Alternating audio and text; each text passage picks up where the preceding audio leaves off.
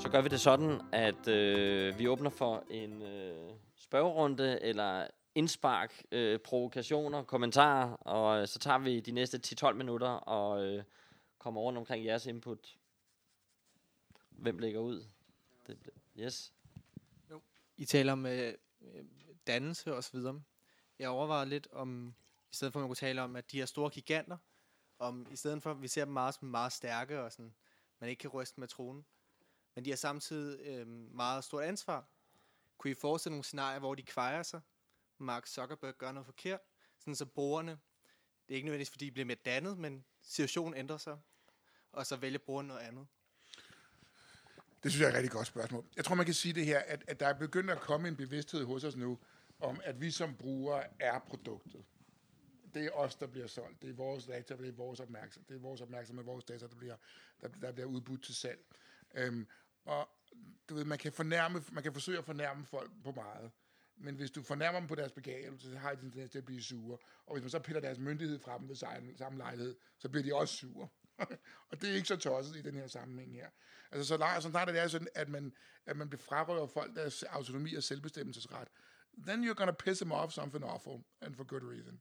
Og måske det er nok der, vi er på vej hen, at folk, at der begynder at komme en, sådan en meget generel forståelse af, hov, var det det, som jeg også skrev under på, da jeg jo satte mig ned og læste de der 36 sider, som jeg skulle egentlig starte med at læse, inden jeg oprettede min Facebook-side. Det er der jo ingen, der har gjort, vel?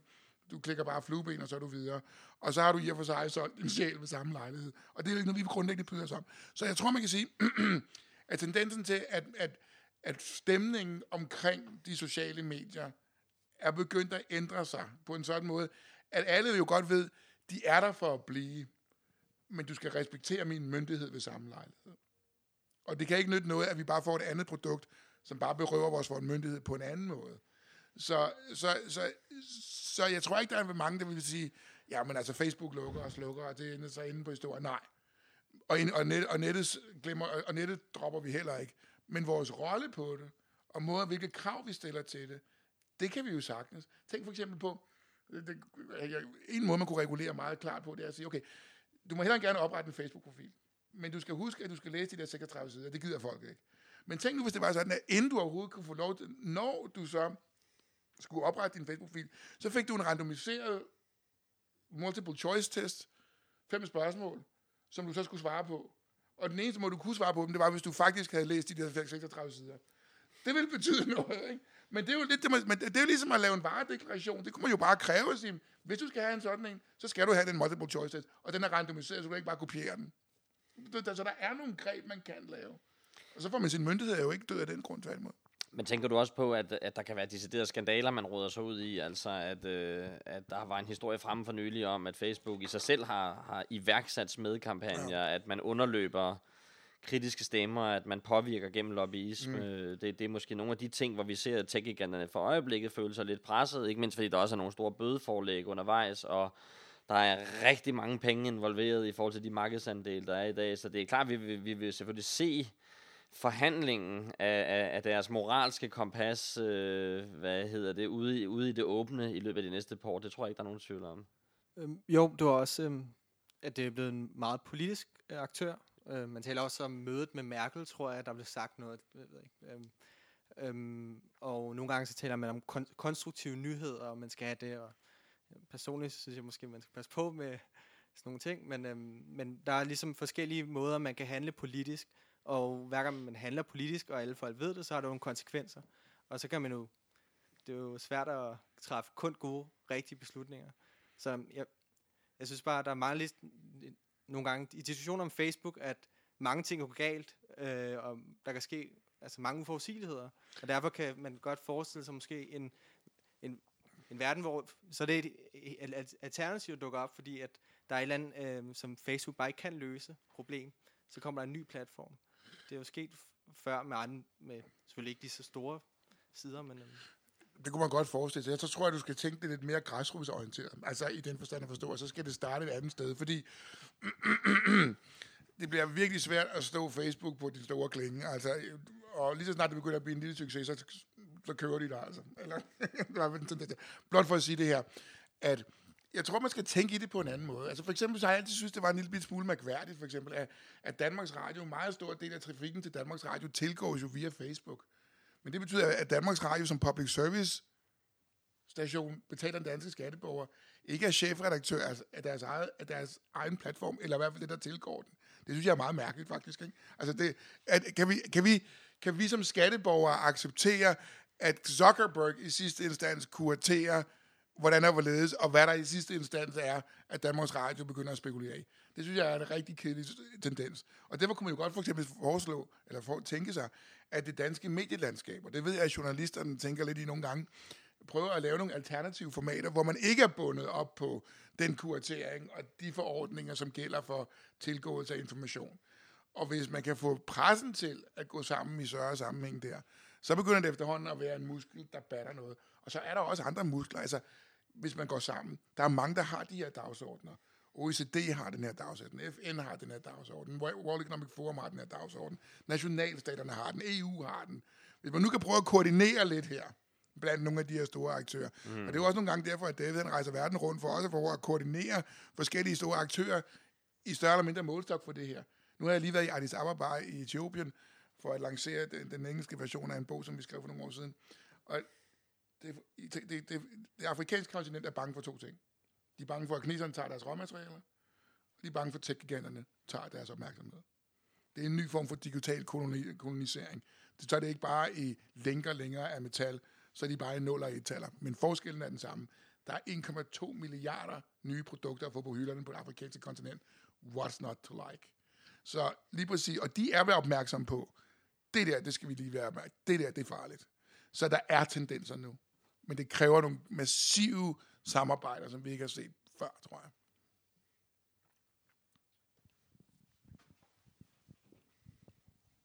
Øhm, ja, du nævnte i starten øh, i forhold til, øh, at nu er det her øh, opmærksomhedsfænomen lidt på, på, på højde med øh, global opvarmning.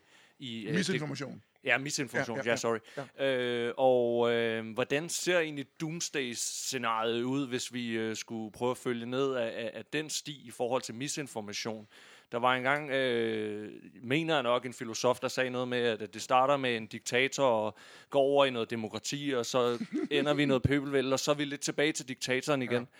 Og jeg kan ikke andet end at tænke, øh, når man ser Trump og, og sure. højredrejning i Europa og resten af verden i øvrigt, at, at det er lidt på grund af, af den her misinformation og, og den indre svinehund, som du siger, bliver, bliver meget nemt altså ligesom øh, fodret af, af misinformation, fordi ja. det er det er den, sådan, den reaktion, man har ja. af had, eller hvad kan man sige, ikke? eller ja. noget, man ikke kan lide. Altså, jeg tror, det er den værst tænkelige udgave af det der, øh, når misinformationen fuldstændig går haywire. Det er faktisk nogle ting, som David og jeg har skrevet lidt om. Altså, så begynder du at få det der postfaktuelle demokrati. Ikke? Det er det demokrati, i hvilket kendskærninger ingen rolle spiller, så længe narrativerne er stærke nok og driver frem meningsdannelse, lovgivning, uafhængig af kendskærninger. Og det er det rene gift. Vi skal huske på, at vores forståelse af demokrati er jo et oplysningsfænomen, og det er jo dybest set ideen om, at information, helst viden, kvalificerer borgernes selvstændige, autonome, reflekterede beslutningsdygtighed. Og hvis du piller ved det, så begynder det at være demokratiet, der er i fare, og det er jo de for sig også det, som de ser. Og konsekvensen af det, det kan være det postfaktuelle samfund, eller det, eller det rene teknokrati i den anden ende, hvor der ikke er noget, der hedder ideologi og vision om verden. Det hele er bare nødvendighedens politik. Ikke?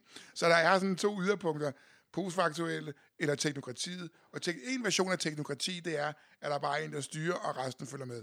Og så har du din totalitarisme i forklædning. Ikke? Men den totalitarisme, den er jeg ikke så bange for med hensyn til sådan nogen som Trump og Erdogan og øhm, Wilders og hvem der ellers kunne finde på at, at, at bruge det der er en ny tendens, som man skal være bekymret for. Det er det, som en af mine, en af mine PhD-studerende på, på Center for Information og Bobbelstudier, som jeg skrev fake news på sammen med Mads Vestergaard, han er lige ved at lægge sidste hånd på en bog om digital totalitarisme, som man kalder det. Og det er sådan ideen om, det er jo det, hvis du kigger på den kinesiske model nu med deres øh, social credit system, det er, at man massivt overvåger borgerne hele tiden, og at deres sociale ydelser bliver udbetalt afhængig af, hvor meget tillid staten har til den enkelte borger, baseret på deres klikhistorie baseret på, om de laver frivillig arbejde, baseret på, og baseret på, baseret på. Men det er massivt. De, de opsætter 570 millioner kameraer med ansigtsgenkendelse, således at folk er overvåget 24-7, altid åbent. Det er den ene måde. Det er sådan en statskontrolleret totalitarisme. Der er også en anden måde at nå den på, som har det samme ekstensionelle resultat. Nemlig, at du scraper alle brugere for al information hele tiden, med henblik på at forbedre brugeroplevelsen, som det er altid det eneste argument for, at vi tillader, at Facebook, Google, YouTube, Amazon og alle de andre simpelthen bare hele tiden scraper vores information, tager data fra os, profilerer os med henblik på, at vi kan få nogle bedre produkter. Og Google har været ude at sige, at vi vil vide, vi vil vide, hvad borgerne vil have, før de selv ved det. That's prediction power. Det er det samme som kontrol. Så du kan nå, du kan lige set nå digital totalitarisme af to veje. Enten ved den statskontrollerede sådan, øh, klassiske version, eller ved at sætte markedet helt frit, og så bare profilere folk, til de er fuldstændig datadefineret, og så styre dem den vej rundt. Men det er samme forskel. Og den er jeg mere bange for. Og det er en reel fare. Tænk, tænk kender I de der Google Assist, Assistant og Amazon Echo? Altså, hvor man, hvor man køber en, en Amazon Echo, og så sætter den der mikrofon op derhjemme, og så siger toiletpapir på badeværelset. Og så kommer der en drone flyvende ind og dumper det, det ikke? Øhm, men den lytter hele tiden. Det er jo dybest set bare et spørgsmål om at invitere en mikrofon indenfor, og så bare sige, I skal bare være som panser, som vi plejer, ikke? Nu, og nu fortæller I, hvad vi gerne vil have. Det er jeg, den er jeg bange for, den der.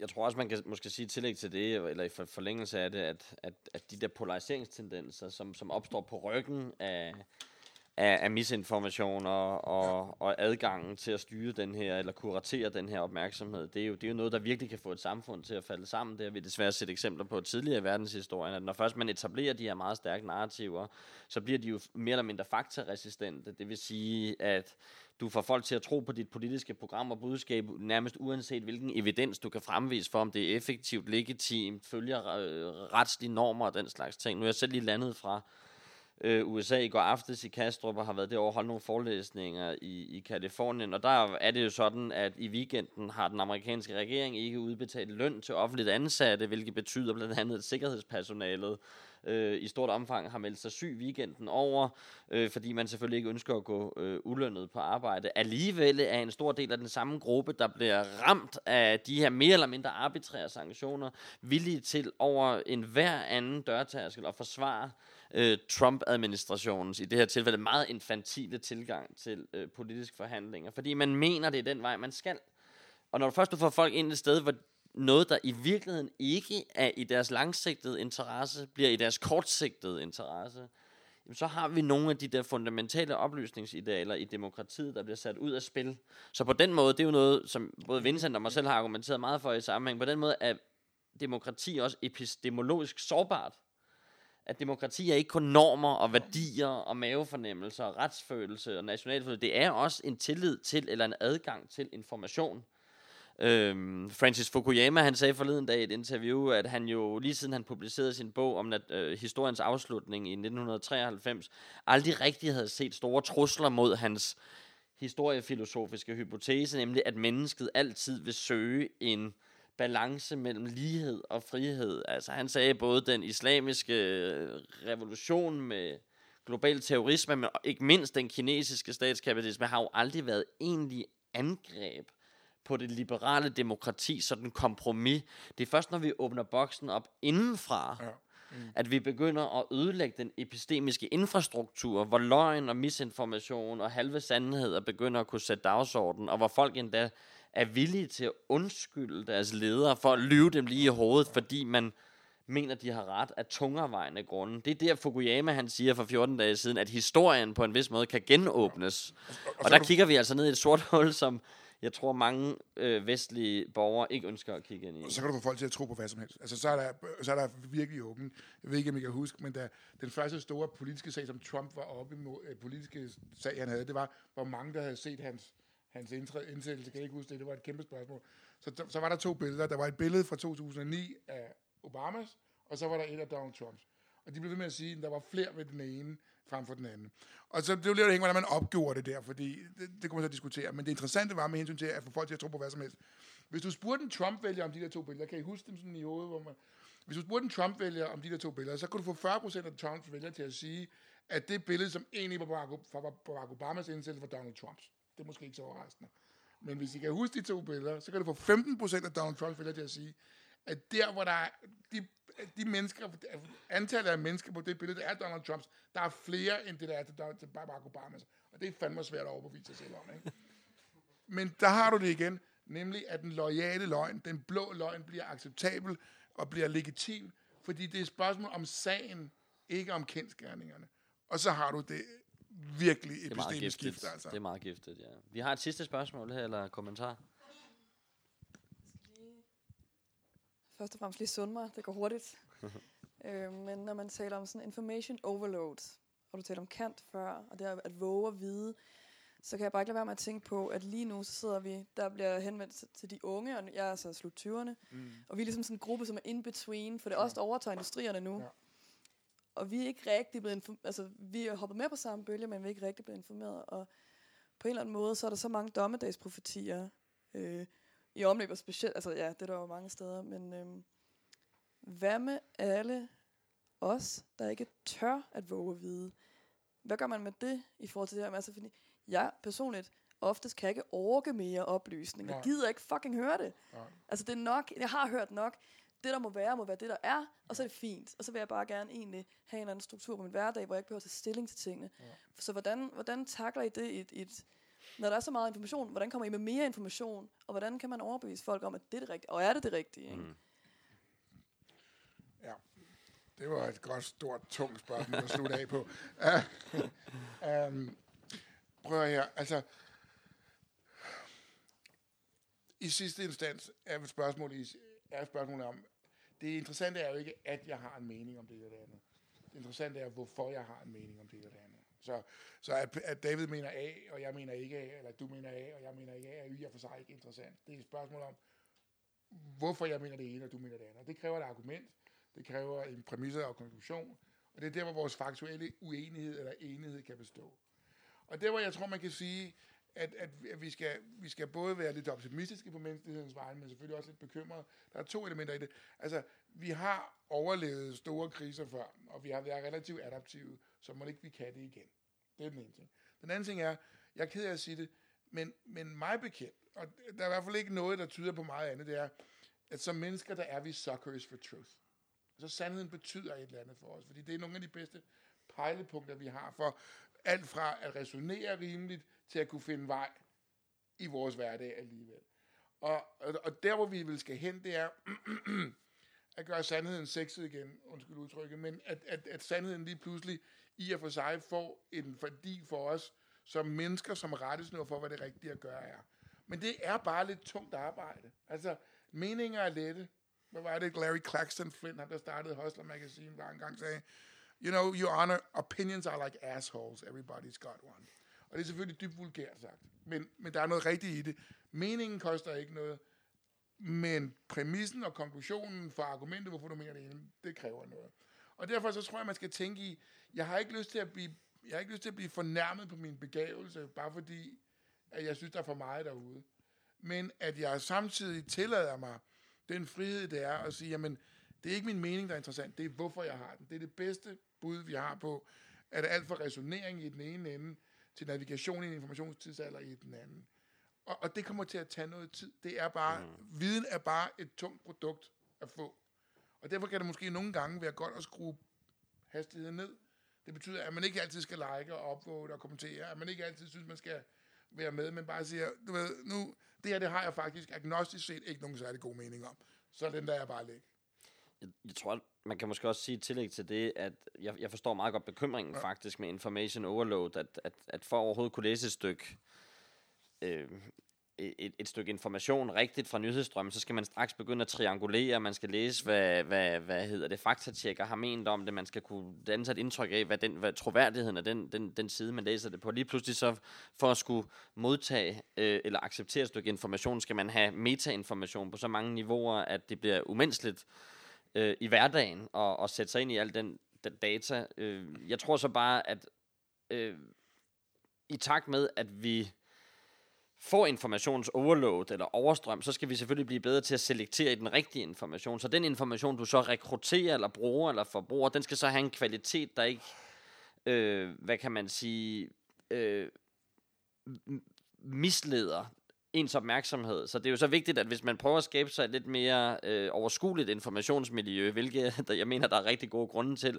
så skal det så være baseret på nogle, på nogle kilder, der i en eller anden udstrækning er troværdige. Det er derfor, vi for eksempel, tror jeg, ser for øjeblikket, at abonnementstal på New York Times, øh, på politikken.dk og sådan noget, er stigende. Ja. De er faktisk ikke faldende. Altså, den almindelige øh, nyhedsforbruger er interesseret, som Vincent også siger, i kvalitetsinformation, netop for at det, som kurateret information gør, altså vel at mærke journalistisk kurateret information gør, det er jo, det i en eller anden udstrækning reducerer kompleksitet. Det multiplicerer ikke kompleksitet, det gør historien filtreret. Det gør, du kan læse om tyske finanslovsforhandlinger på 5 minutter, i stedet for at læse 30 hjemmesider med 40 forskellige konspirationer, der angiveligt vil tage dig to måneder.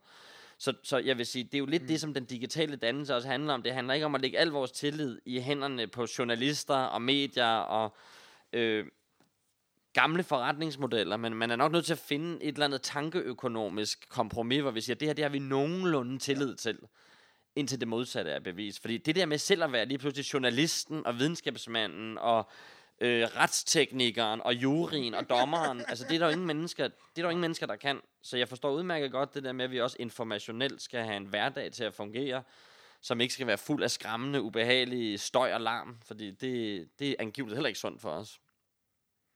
Således bliver det. Jeg ved ikke, om du selv har et svar på det. Hvad gør, hvad gør du selv, nu er vi i selvhjælpsafdelingen her?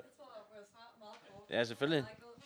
Der er, ikke noget, der er ikke noget svar der. Jeg tror bare, det leder til flere spørgsmål egentlig, men, men øh, jeg tror nu nok nærmere, altså I besvarede en del af det, men jeg tror, det jeg efterspørger mere er modet til, for det er jo mere sådan en væren i det her, mod til at ture at kigge på mere information, mod til at være i verden, mod til at ture at være ja. kritisk, mod til, mod til at ikke bare gå på strømmen, som det går en vej nu.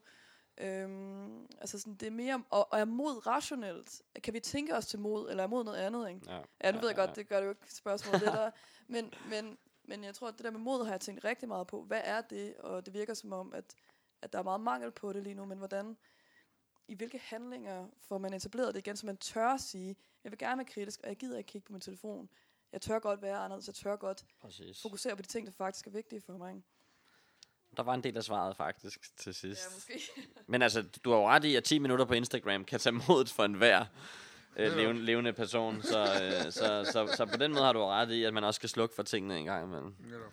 Med de ord, og med tiden, der er løbet ud, så vil jeg sige tusind tak for en øh, god og levende debat. Og især tak til Vincent for at have gjort dig selskab her til aften. Tak skal I have. Tak fordi jeg måtte.